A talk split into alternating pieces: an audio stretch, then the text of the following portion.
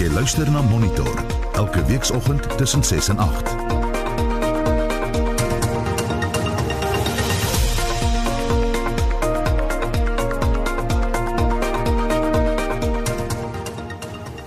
In die program die Britse mediese vakjoernaal The Lancet spreek sy kommer uit oor die gebrek aan sielkundige bystand aan vroue wat miskrame ervaar.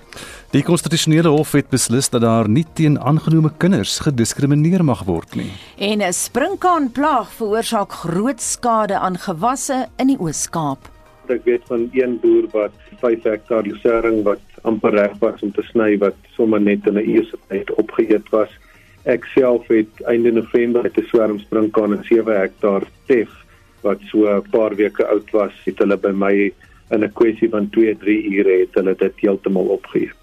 Goeiemôre, ek is Anita Visser. En ek is Gustaf Vreiding, welkom hier by Monitor.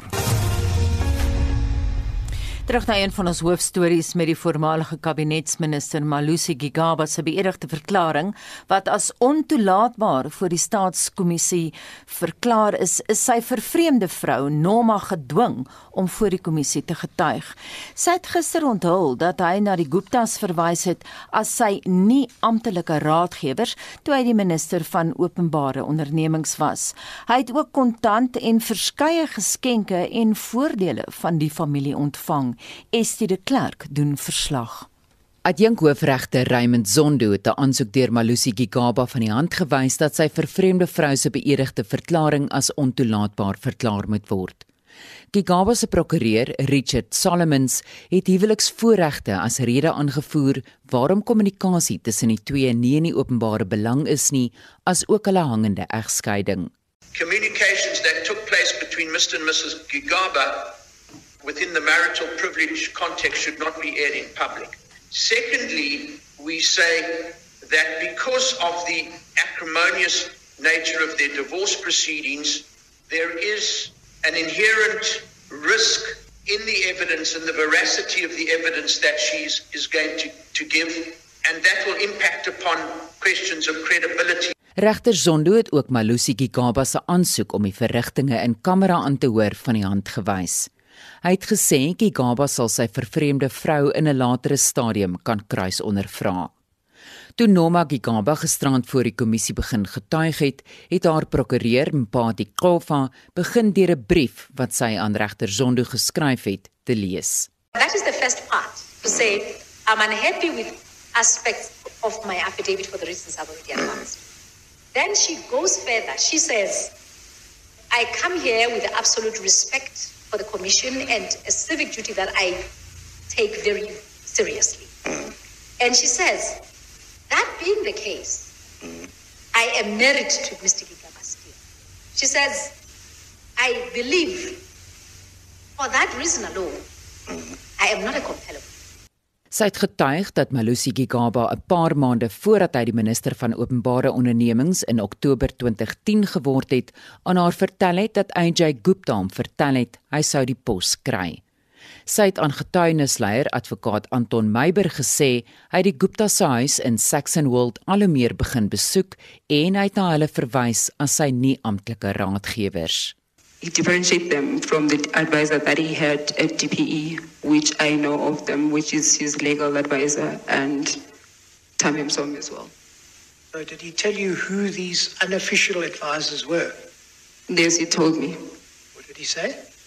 It was the Guptas, AJ and his brothers, which I don't know all of them by names. Because I'm only familiar with AJ more than the other ones. Did he tell you what they advised him about? He said they were advising him about work, about things that they were supposed to do. Noma Gigaba het gesê haar man het gesê die Guptas hou nie van Brian Dames wat toe Eskom se bestuurshoof was nie en wou hê hy moet vervang word. Sy sê dit was slegs een van 'n aantal aanstellings wat Malusi Gigaba aangesê is om te maak. He told me that the Guptas don't like him and he doesn't understand why they don't like him. And I think they told him that there will be a new restructuring. Someone else will move to the, uh, to ESCOM, and then Brian Thomas will leave. But I didn't know how the process is going to happen. Which few months later it happened. Noma Gigaba het getuig, Malusi Gigaba het kontant en verskeie geskenke en voordele van die Guptas oor die jare ontvang, insluitend 'n BMW en miljoene rande wat vir die paartjie se troue en witbrood betaal het.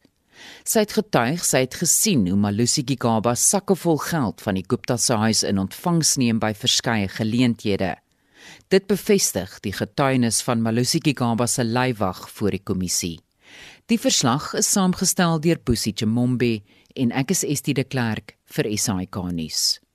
Jy's by Monitor op RSG op hierdie vakansiedag nou die gesaghebende weeklikse Britse mediese vakjoernaal The Lancet spreek in sy nuutste uitgawe kommer uit oor die gebrek aan 'n holistiese benadering teenoor vroue wat miskrame ervaar. Nou volgens die blad eindig 15% van alle swangerskappe in 'n miskraam. Een uit elke 10 vroue sal in hul lewenstyd 'n miskraam kry. Lancet betreur onder meer die gebrek aan sielkundige bystand aan vroue wat hul babas vroeg verloor. Vir sy reaksie op die kritiek deur Lancet, praat ons nou met die president van die Suid-Afrikaanse Vereniging vir Verloskundiges en Ginekoloë, Dr. Heinz van der Merwe. Van der Merwe is verbonde aan Tygerberg Hospitaal en die Universiteit Stellenbosch. Goeiemôre. Goeiemôre Anita. Wat is die definisie van 'n miskraam? Uh Anita, dit is die verlies van 'n intrauteriene swangerskap voor lewensvatbaarheid. Nou daar's 'n redelike variasie in die definisie van lewensvatbaarheid. Die Wêreldgesondheidsorganisasie definieer dit as die uitwerking van 'n fetus uh wat minder as 500 gram weeg of voor 'n gestasie van 22 weke. Uh ek dink vir Suid-Afrika ehm um, kan ons dit uh basies skat so op omtrent 24 weke. En waaraan is dit te wyte? Hoekom gebeur dit? Dit is meestal nie moontlik om 'n spesifieke oorsaak te bepaal nie, maar daar is risikofaktore wat geassosieer is met miskrame. Ehm um, hierdie risikofaktore sluit in kromosomale afwykings in die fetus, hoë moederlike ouderdom, ondergewig of oorgewig en manlike ouderdom uh oor 40 jaar.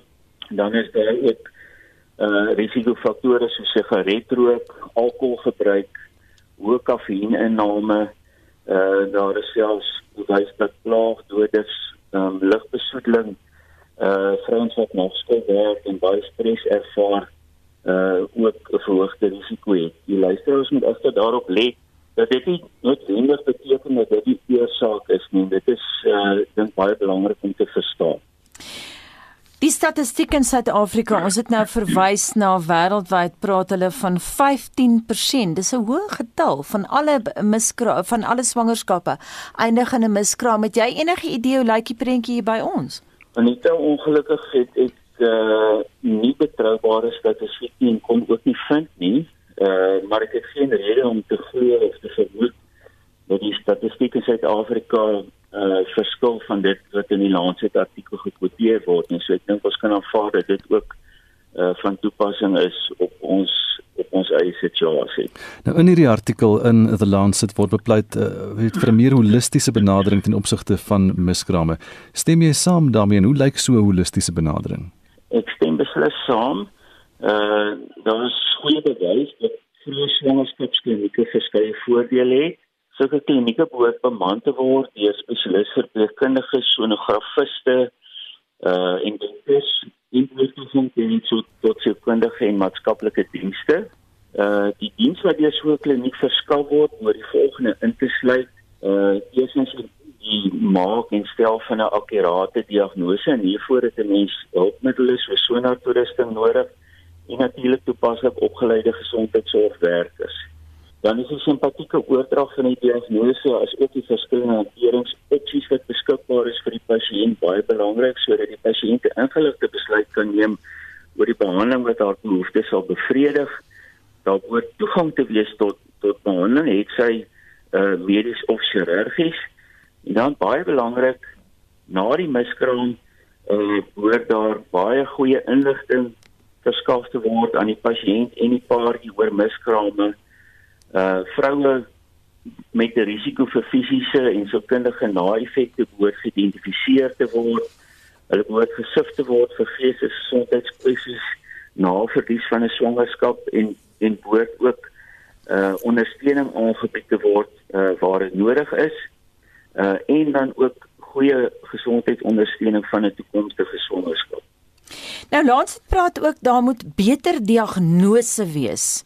Wat word daarby bedoel? Inderdaad Anita vir uh om 'n akkurate diagnose te maak, ehm um, het 'n mens hoë kwaliteit sonarskanderings nodig en diagnostiese algoritmes om die sonarbevindings te interpreteer uh, en sodoende om 'n vroeë diagnose van 'n miskraam te maak. Daar word ook gesê dat miskrame wat meer miskrame verhoed moet word, jy weet in hierdie artikel nou, maar hoe sou 'n mens dit kon doen? Ek sou dit verdeel in in primêre en sekondêre voorkoming. Uh primêre voorkoming sluit eenvoudige lewenstyl-aanpassings in om die risikofaktore wat ek vroeër genoem het te modifiseer.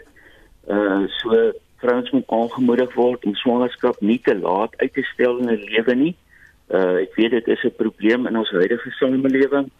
Uh probeer jou ideale liggaamsgewig gewig bereik, hou op rook, uh verminder of vermy alkoholinname, goed soos om groente te was en vrugte uh oop te was voor gebruik om moontlike plaagdoders van ontslae te raak.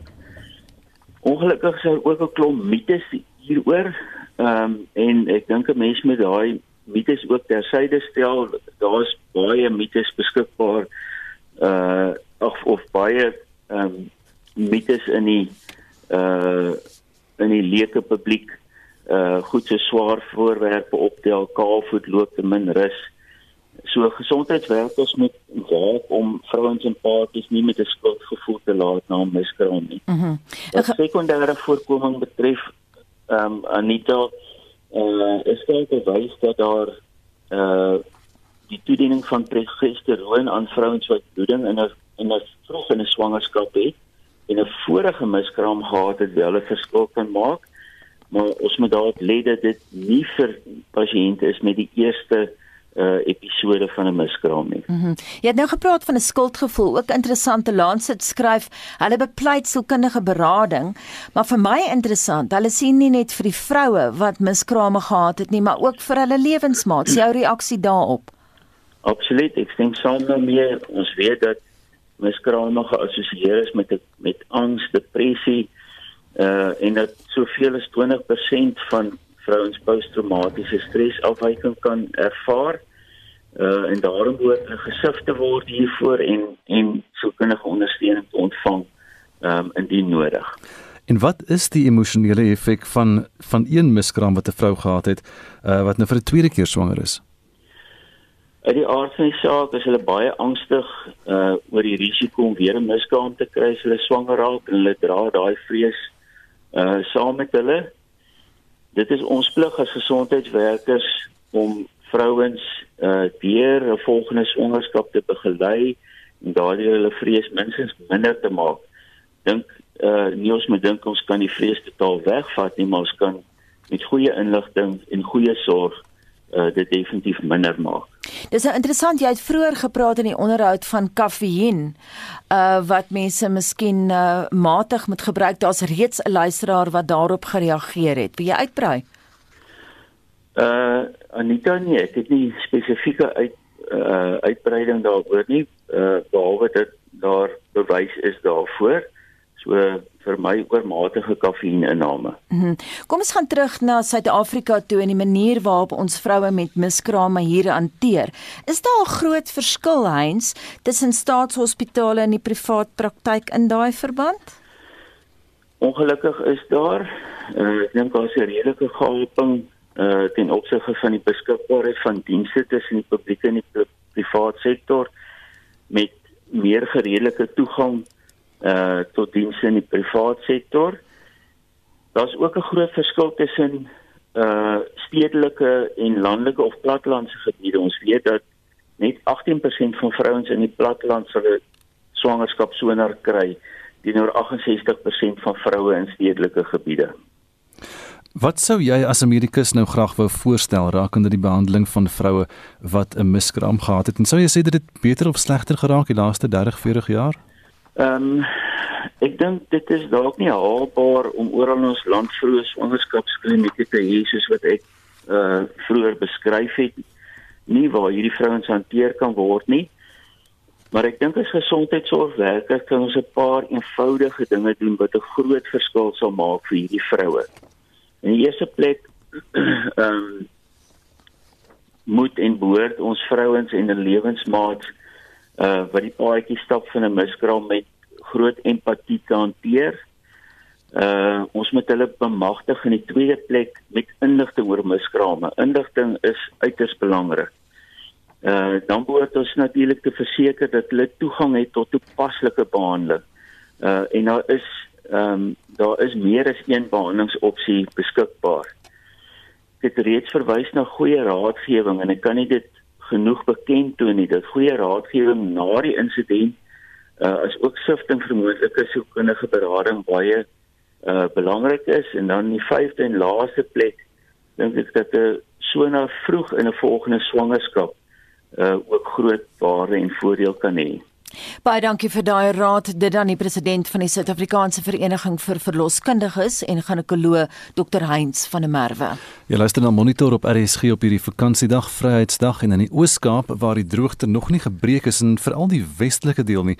Knou 'n sprinkaanplaag die veld en die aangeplante gewasse daar nou, maar eh, die voorsitter van die kommunikasiekomitee by Agri Oos-Kaap, Eben Du Plessis, sê dat die plaag veel erger is in die Noord-Kaap.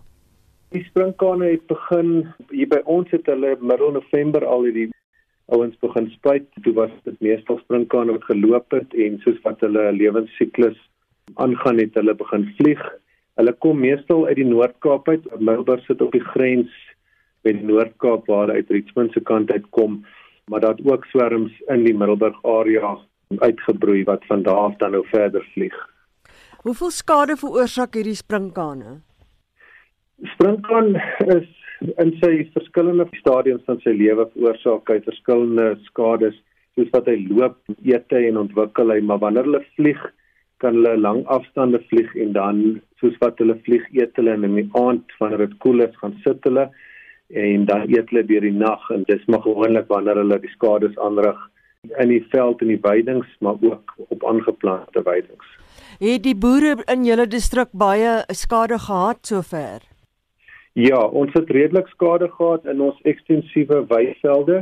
Daar's ook redelik skade gewees by ouens wat op losering en aangeplande weidings, veral weidings wat nou geplant is wat moet benut word aan die einde van die winter tot redelik skade gehad het. As jy praat van redelik skade, gee vir my 'n voorbeeld.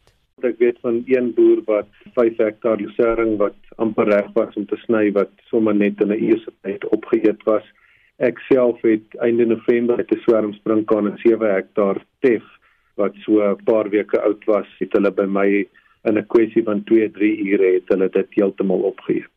Wat is tef? Tef is 'n aangeplante weiding wat ons aanplant vir vee om te benut, wat ons kan sny en baal, maar ook kan eet so op die land.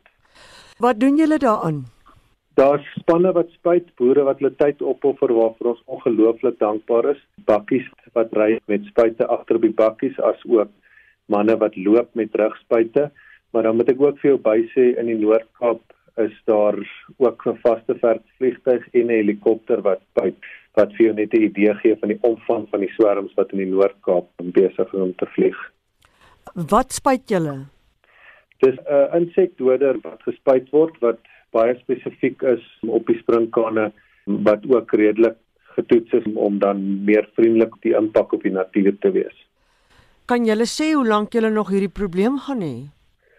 Ons hoop dat die ouens die probleem onder beheer gaan kry. Dit wil nie so voorkom nie, maar soos wat die winter nader kom en die koue kom, raak dit makliker om hulle te beheer, want 'n sprinkaan hou nie van die koue nie. Hy sit langer wanneer dit koud is en dan is dit makliker om te beheer maar sodra die ryp en die koue hier is dan behoort die probleem vir eers opgelos te wees. Het julle iets om dit mee te vergelyk wat vroeër jare gebeur het? Ja, die sprinkaan uitbrake kom saam met die goeie reëns. Dit is wanneer die eiers uitbroei, sprinkaan eiers kan ek dink tot 10 jaar onder die grond lê. En Volgens die ouer manne is dit een van die erger uitbrake. Daar was al erger uitbrake gewees 'n hele klomp jare terug, maar hierdie is 'n redelike uitbraak. Soos ek gesê het, ons voel eintlik net die punt van hierdie effek hier in die Oos-Kaap. Die manne in die Noord-Kaap en daarbo uit Namibië uit. dis waar die groot probleme is en waar hulle die groot impak voel. As jy moet vir my 'n voorbeeld gee van hoeveel geld dit kos, kan jy? Dit is moeilik om dit in geldwaarde om te kyk daar word veiding verloor. Die areas wat hulle eet, gaan jy dalk vir 'n jaar gaan jy nou moet lê en die volgende jaar kan jy hom benut. Ek moet ook bysê dat die sprinkane sit dan redelik dit amper kunsmis noem wat hulle terugsit in die veld, maar jy kan nie dit wat hulle wegvat kan jy nou nie daarmee vergelyk nie. As jy geldwaarde wil koppel, wil ek sê wat die departement vir ons gee op hierdie stadium, nasionale departement van landbou verskaf en al die toerusting as ook die vergoeding vir die ouens wat spuit en 200 liter dromge wat die ouens uitspuit. Ek dink is 12800 rand wat so 'n drom kos wat deur die departement verskaf word. So ons is baie dankbaar vir die hulp wat ons kry van hulle af. En dis die stem daarvan Eben Du Plessis, hy is die voorsitter van die kommunikasiekomitee by Agri Ooskaap en hy het met Mitsi van der Merwe gepraat.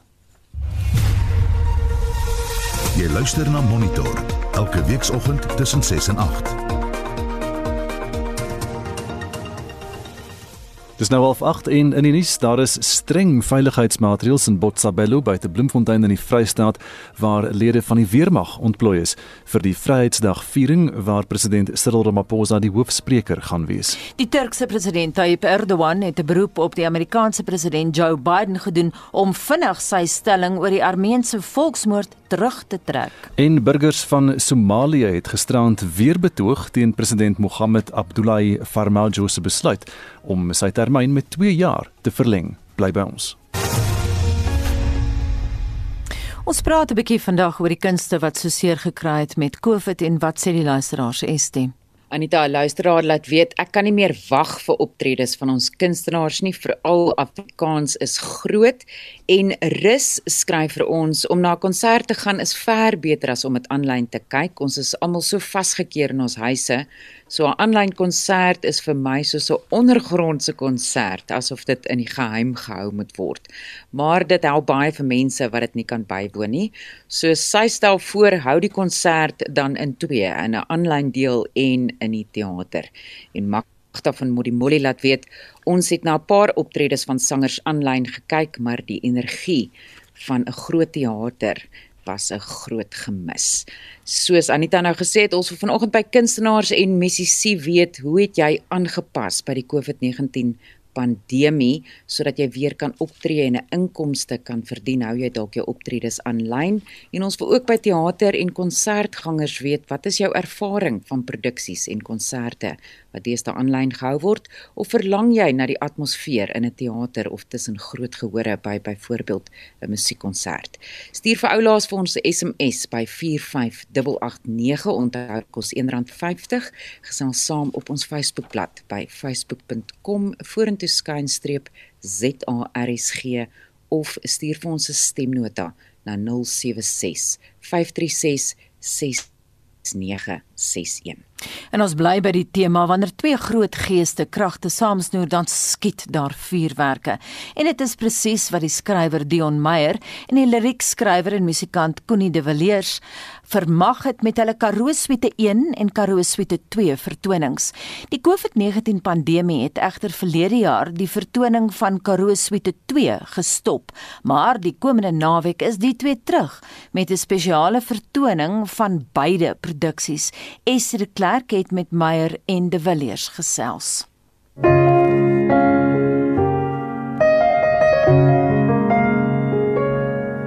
As die nag sy baadjie toe knoop die veld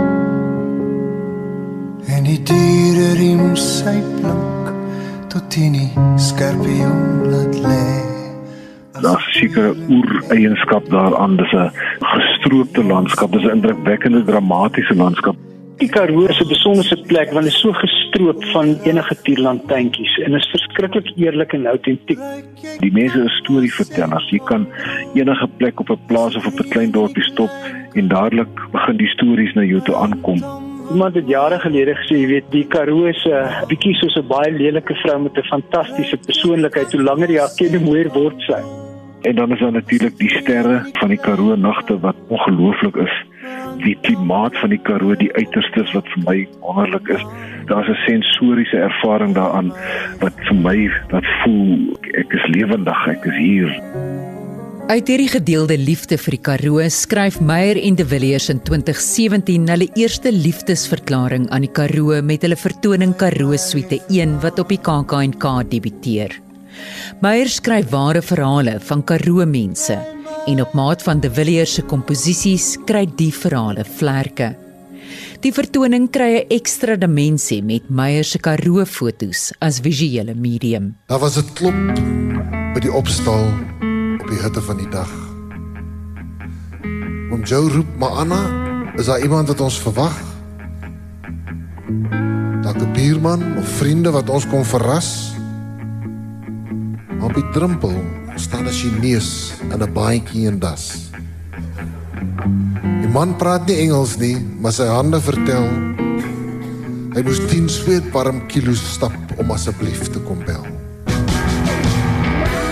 kon nie destyds my gevra het of ek by so iets betrokke wil raak het ek gedink dit gaan glad nie werk nie maar Koenie is so 'n gewaardeerde vriend vir soveel jare al dat ek sê ek sal my bes doen maar hy kan maar vir my sê as ons moet los en hier is ons nou Histories is alles oor regte mense. Dis alles ware stories. Mense van alle agtergronde in die Karoo en ek dink dit is waarmee die gehore nogal identifiseer. Die skoonheid van die vertoning lê in die pathos en die pragtige skryfwerk wat Dion se is. Jy weet almal het 'n Dion Meyer boek of al die boeke al gelees en hulle ken sy skryfwerk. Hulle ken hom via die letterkunde, maar ek dink dit is vir mense baie baie lekker om Dion op die verhoog as die verteller self te sien. Reën is die hartslag van die Karoo. Sy lewensbloed. Wanneer dit hier reën, kom maar iets los met eens in daardie oomblik waarin die hemele eindelik oopskeur. Dankie vir die lekker en dankie vir die seën. Koenie is altyd die laaste om te praat oor die element wat ek dink wat die heel belangrikste is. Dit is sy musiek. Hy is 'n uh, absolute genie. Dis musiek wat soos 'n film se klankbaan die stories lig na 'n ander vlak alles is genade. En ons se karoo. Ek hoor niks en ek raak nie aan musiek of aan 'n klawerbord voordat ek nie die stories kry nie.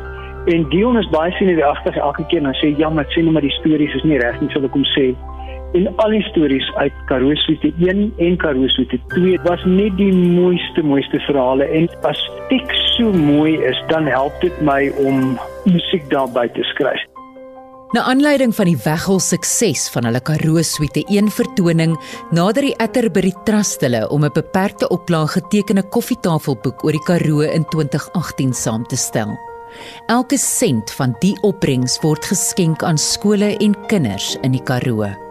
Ek en Dion was baie gelukkig om in samewerking met die Atterbury Trust 'n miljoen rand te kon terugploeg in skole vir beurse, om skole te laat regmaak, om hier en daar te help met kos. Dit gaan regtig maar beroer in baie van die klein Karoo dorpies.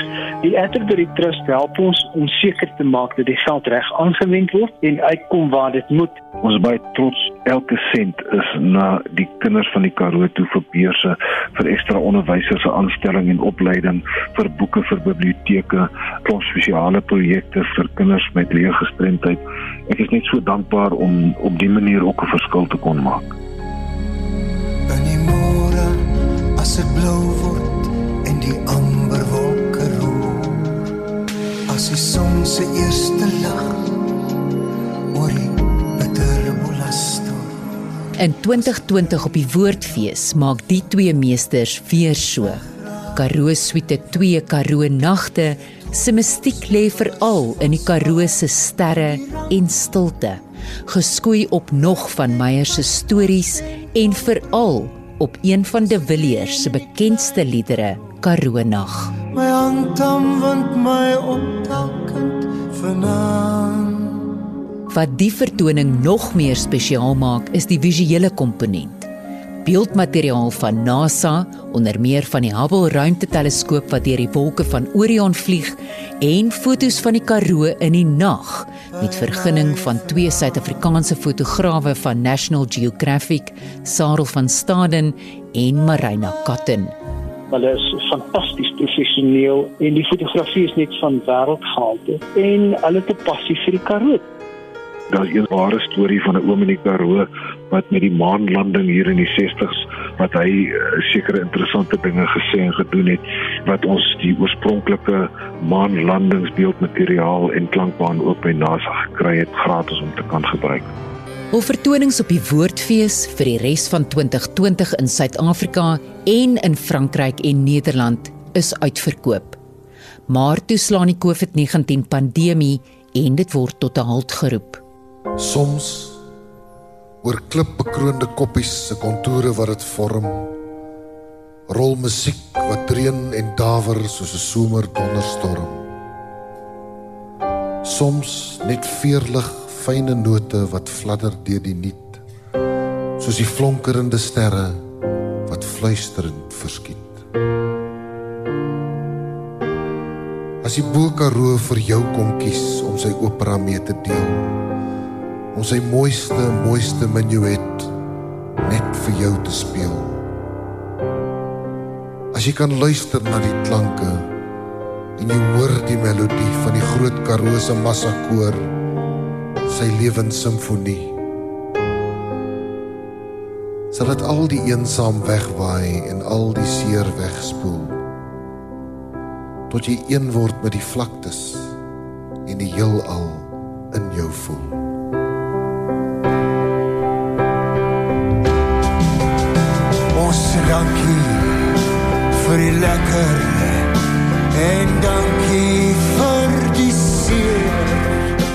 Maar hierdie Vrydag en Saterdag kan aanhangers as deel van die Suidoosterfees uitsien na 'n vertoning van albei konserte onder COVID-veilige maatreëls by die Atlantic Inryteater in Kaapstad.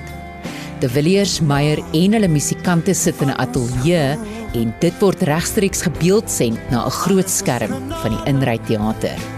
Ons speel regstreeks so op goeie Brits, you see it in real time en dan is daar ook 'n toegewyde FM frekwensie. Jy sit in jou motor en dis 'n unieke ervaring. Mense kan 'n glasie wyn geniet, daar's burgers en warm brakke te eet of jy kan ietsie saambring. En dis regtig 'n jy weet in hierdie droewe tye wat ons beleef, hoop ons dit kikker mense bietjie op en ons is regtig opgewonde om dit weer vir mense te kan aanbied want dit lyk tog of mense dit geniet. Ek dink dit gaan ongelooflike pret wees vir mense. Dit gaan soos 'n inry teater werk. Soos Koenie sê, is 'n double feature soos in die ou dae by die drive-in. So ons gaan al twee konserte doen, die een na die ander, al twee aande. Binnekort kan aanhangers ook uitsien na 'n nuwe boek, Ons Karoo deur De Villiers, Meyer en ander medewerkers. De Villiers beskryf die boek as 'n verbruikersgids vir die Karoo, iets wat jy in jou motor met jou kan saamneem om jou van die N1 te laat afswenk om die Karoo beter te leer ken. Prof Mati Hofman die sterkkundige geskryf daarin, professor Johan Kirsten en professor Bruce Rubich, die paleontoloog. So ons dink is 'n vreeslike lekker gesinsboek. Daar's resepte in, onder andere ook 'n Karoo resep of twee deur Jan Hendrik van der Westhuizen en die Michelin chef. Dis 'n geloofsdaad en ons hoop ons kan weer kinders in die Karoo help daarmee. Daar is twee uitgawes, 'n standaard uitgawe en 'n spesiale duurder uitgawe waarvan net 500 gedruk word. Verpak in 'n sterrekaart en 'n boks met 'n persoonlike getekende brief van De Villiers en Meyer en toegang om aanlyn na albei vertonings te kan kyk. Die opbrengste van die spesiale uitgawe word weer geskenk aan die kinders van die Karoo. Die klankontwerp vir die insetsel is gedoen deur Danny Boysen en ek is Estie de Klerk vir SAK nuus. Ons dankie vir die lekker en dankie vir die seer. Ons is bly oor die oorvloed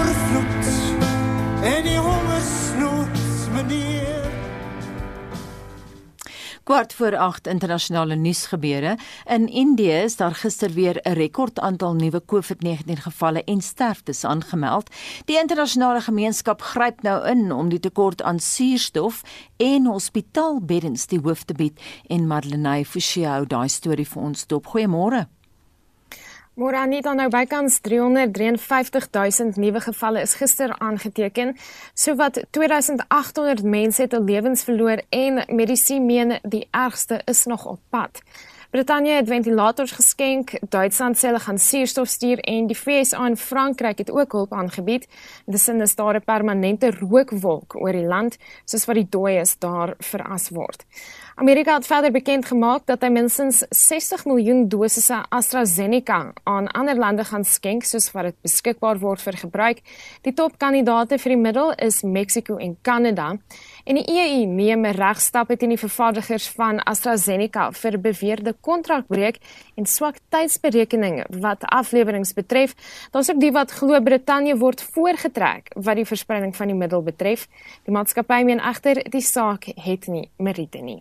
En oor kan die Atlantiese Oseaan, die Amerikaanse Departement van Justisie het gister aangekondig dat 'n ondersoek geloods gaan word na die Louisville Polisie Departement in Kentucky. Dit volg op die dood van Breonna Taylor.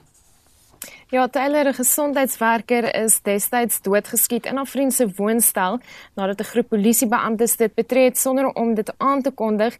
Maar die beweerde klopjag het deel gevorm van 'n ondersoek na dwelmhandel. Etika Scott, 'n prokureur vir die staat, het intussen 'n wetsontwerp saamgestel wat na Taylor vernoem is om gedwonge toegang tot mense se wonings deur die polisie stop te sit. We still demand that all of the officers involved in her murder are fired, arrested, and charged. This is a step toward accountability. There are definitely some folks here at home who are hopeful that that is indeed the case, but we know what history has shown us with the Department of Justice investigations into police departments. So we remain hopeful that it's a thorough and complete investigation. Die polisiediens kom verder onderskoot nadat beeldmateriaal gedeel is van polisiebeamptes wat 'n wit 73-jarige vrou met demensie in hegtenis geneem het nadat sy uit 'n winkelsentrum geloop het sonder om te betaal. Na 'n skouer is sy lid geruk en haar elmboog is gebreek en beeldmateriaal van haar aanhouding toon dat sy duidelik verward is. Nou bykomende beeldmateriaal wys hoe die betrokke polisiebeamptes weer kyk na hulle beeldmateriaal van die voorval en lag oor wat gebeur het. In Somalië het betogers gisteraand weer protes aangeteken teen president Mohamed Abdullahi Farmajo se besluit om sy termyn met 2 jaar te verleng. Lede van die oppositie het sleutelpunte in die hoofstad Mogadishu beset. We don't want the extension. The country must have an election. The failed president must resign. We don't want him in power any longer. Nou die betogings volg op voorvalle van geweld die afgelope naweek. Die buurlande is bekommerd dat 'n burgeroorlog soos die uit die land se onlangse verlede weer gaan uitbreek. Intussen het die premier Mohammed Hussein Roble 'n beroep op vrede gedoen. I would like to tell the Somali public that I'm sorry for the clashes in Mogadishu which were intended to destabilize the peace in the city during this holy month of Ramadan. I encourage everybody to work towards peace and avoid conflict. Ons hou verwikkelinge in die land dop. En dan Marlenae sluit ons vandag se wêreldnuus af op 'n ligter noot in Turkmenistan. Nou die land het 'n nuwe openbare vakansiedag ryker geword en dit alles om 'n hond te vereer. Nou die sentraal-Asiatiese herdershond wat in die land geteel word, is 'n groot bron van trots en die land se president beskou die verering van hierdie honde as 'n simbool van nasionale erfenis. Hulle is die afgelope naweek met groot fanfare in die land gevier. Heerlike noot om wêreldnuus af te sluit. Dankie daarvoor Marlenae. So 11 minute voor 8 nou sommige partye in die parlement sê dit begrip dat openbare amptdraers geen verhoging vir 2020 en 2021 moet kry nie en dit is voorgestel deur die onafhanklike kommissie vir die vergoeding van hierdie openbare amptdraers. Nou die instelling maak jaarliks voorstelle oor salarisse en voordele vir diegene en Celine Merrington het meer. Openbare amptdraers kos die belastingbetaler 11 miljard rand per jaar in salarisse en voordele. Hulle sluit in LPS, lede van provinsiale wetgewers, ministers en adjunkministers, regters, landdroste, tradisionele leiers en raadslede. Hulle salarisse word vasgestel deur 'n onafhanklike kommissie. Die kommissie se verslag is in die parlement ter tafel gelê. Die DALP Leon Schreiber sê om salarisse te vries is om die realiteit van die land in ag te neem. The decision to freeze the salaries of all public office bearers once again emphasizes the dire state of the South African fiscus. It also illustrates that the current ongoing wage negotiations surrounding the public service is of critical importance if we are to stave off a debt crisis in South Africa. More than 2 million people in the private sector have already lost their jobs as a result of the COVID pandemic. And this now adds to the massive unemployment crisis that existed even long before the pandemic, now sending South Africa's unemployment rate north of 40% on the expanded definition. It's clear from this decision by the committee, this recommendation, that that reality has been recognized and therefore the wage freezes have been implemented. Sy opinie is ondersteun deur Wouter Wessels van die Vryheidsfront Plus en Steve Swart van die ACDP. Suid-Afrika is in die moeilikheid en is op die fiskale afgrond en daarom moet daar besparings wees. Daar is nie geld nie en is 'n 0% verhoging vir openbare amptbekleers wel verstandig. Dit is egter slegs 'n druppel aan die emmer en die kabinet sal besnoei moet word. Daar sal ontslaag geraak moet word van adjunkministers want hulle speel geen rol nie en die salarisrekening vir staatsamptenare sal onder beheer gebring moet word. Anders is ons steeds in die moeilikheid. The ACDP notes that the commission has recommended that there should be no salary increases for public office bearers, which includes members of parliament, members of the executive, and members of the judiciary. This is no surprise to us as it was alluded to by the Minister of Finances Mr Tito Mboweni given the severe financial constraints facing the state caused largely by one of the world's longest and hardest lockdowns, the widespread corruption and state capture, as well as power outages. Die kommissie se verslag toon dat die aanbevelings onderteken is deur die minister van finansies en ander ministers terwyl die hoofregter nie die vries van salarisse vir regters ondersteun het nie. Hy het 'n grondwetlike voorsiening aangehaal wat die vermindering van hul salarisse en voordele verbied. Die woordvoerder van die kantoor van die hoofregter was nie beskikbaar om hieroor uit te brei nie. Zelene Merrington, Parlement. Op RSG Landbou hoor ons hoe vlugtige olies vlerke gee aan vroue boere in Suid-Afrika en ek voel daar's 'n baie natuurlike koneksie tussen jy weet met die omgewing werk in 'n volhoubare manier en vrouens en ek dink vrouens speel 'n ongelooflike belangrike rol daarin om na die natuur te kyk en regtig volhoubare oplossings te kry sodat ons saam met die natuur 'n volhoubare toekoms kan bou. Saterdagoggend kwart voor 12 saam met my Eloise Pretorius. Jy's by Monitor op RSG. Nou die blou ekonomie van die oseaan het die potensiaal om werkskepping en vaardigheidsontwikkeling in Kaapstad te bevorder. Althans, dit is die idee met die vorming van die sogenaamde Blue Cape Vennootskap in die stad. Nou die moederstad speel 'n deurslaggewende rol in die vervaardiging van seilwagte en uh, dis ook die van die grootste oseaan sportbyeenkomste in die wêreld wat daar plaasvind. Marlene Forsie berig.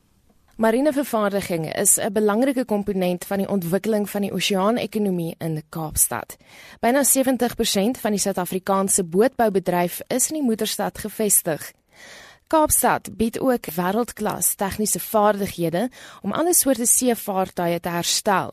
Die VNA Waterfront en die stad Kaapstad het nou kragte saamgesnoer om die ekonomie van die see te bevorder. Die direkteur van die Blue Cape Partnership, Bruce Tedder sê die inisiatief is daarop gemik om nog meer ekonomiese geleenthede in die oseaan-ekonomie te ontsluit. It's more encouraging all the super yachts to come to Cape Town to stay longer and spend more. And more importantly, it's the value chain. We want to expand the value chain. We don't want the same suppliers doing business with super yachts. So, you know, if someone asked me when do we think we would have succeeded, I'm saying when the flower sellers in Adelaide Street, when they are selling their flowers to super yachts every morning, that would be successful. Die burgemeesterskomitee lid vir ekonomiese geleenthede, James Vos, sê die bootbousektor lewer jaarliks miljarde rand se beleggings in Kaapstad. Over the last few years, the industry secured investments worth 30 billion rand and created over 7,000 direct jobs in the ocean's economy for our city. Cape Town is the world's second largest producer of vessels in the catamaran category, and several companies have been acknowledged for their excellence. That is why skills development is a priority for the city. We don't just train for training's sake, but we provide skills that will promote the development and growth of the ocean's economy. Die Blue Cape inisiatief sal ook steun bied aan sportinisiatiewe insluitend mededingende vleerbrandery, selplankery en lewensredding. Dit sal 'n alternatiewe weg bied vir jeugdiges wat uit bende getuiserde gebiede kom, soos die 23-jarige Chadwin George van Hangberg naby Houtbaai. Before I was doing life saving, I actually was on a very steep going down because I never really gave I never really had any interest in my future and anything like that. I never saw a bright future for myself and I was like basically going down a path until I met life saving now I'm finally like open to more opportunities and I'm actually looking forward to grab onto opportunities which has opened up to me since I did life saving. Die beskerming van die natuurlike marine hulpbronne en die oseane sal 'n belangrike fokuspunt van Blue Cape wees, want dit wil die blou ekonomie verder laat groei en Kaapstad se plek as die grootste bestemming in die wêreld vir bootbou en seesport verseker. Hierdie verslag deur Kobben August, Marlene Forsie is hy kan nie.